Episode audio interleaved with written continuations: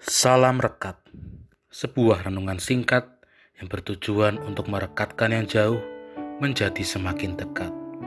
Rekat dari Sabtu 31 Juli 2021 diberi judul Melanjutkan Perjuangan. Rekat hari ini dilandasi firman Tuhan dari Hakim-Hakim pasal 6 ayat 1 sampai ayat 10. Ayat nats hari ini diambil dari ayat 1 dan 2. Sesudah Yosua mati, orang Israel bertanya kepada Tuhan, "Siapakah daripada kami yang harus lebih dahulu maju menghadapi orang Kanaan untuk berperang melawan mereka?" Firman Tuhan, "Suku Yehudalah yang harus maju. Sesungguhnya telah kuserahkan negeri itu ke dalam tangannya." Demikianlah firman Tuhan. Berbahagialah setiap kita yang mendengarkan firman Tuhan dan memeliharanya. Haleluya. Ketika kita membaca firman Tuhan saat ini, firman Tuhan saat ini menceritakan tentang sebuah kisah di mana setelah Yosua sudah wafat, Yosua telah meninggal, namun meninggalnya Yosua tidak menghentikan rencana Allah di dalam kehidupan bangsa Israel. Allah tetap menegaskan, bahkan kepada suku Yehuda, bahwa mereka itu harus maju memerangi orang Kanaan, sebab Tuhan telah menjanjikan kemenangan bagi mereka. Meskipun Tuhan telah berjanji bahwa mereka akan mendapatkan tanah perjanjian itu, tetapi ternyata janji itu tidak didapatkan dengan cara bangsa Israel bersantai-santai.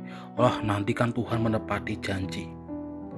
Ternyata janji Tuhan itu harus disambut oleh bangsa Israel dengan cara mereka meraihnya di dalam sebuah perjuangan.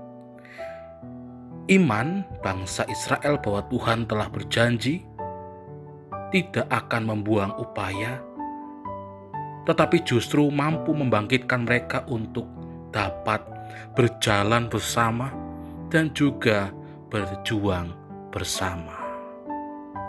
Bapak, ibu, saudara yang terkasih di dalam Tuhan, tentu kita mungkin akan merasa nyaman jika kita dapat menikmati enaknya saja.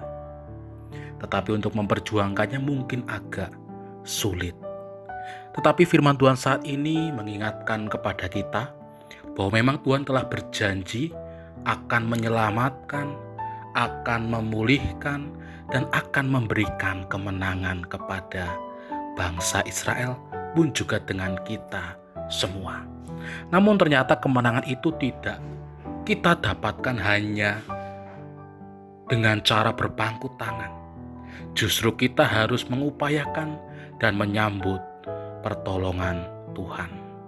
Saat ini jika kita masih hidup di dalam pandemi, ingatlah janji Tuhan bahwa Tuhan akan menolong kita semua. Tetapi janji itu harus kita sambut dan marilah kita senantiasa meneruskan perjuangan kita. Amin. Mari kita berdoa. Kami menyambut janji Tuhan dan mampukan kami Tuhan untuk mengupayakan, menyambut, dan senantiasa berharap kepada pertolongan Tuhan. Amin. Saya Pendeta Samuel Prayogo dari GKJ Banyumanik Semarang menyapa saudara dengan salam rekat sebuah renungan singkat yang bertujuan untuk merekatkan yang jauh menjadi semakin dekat.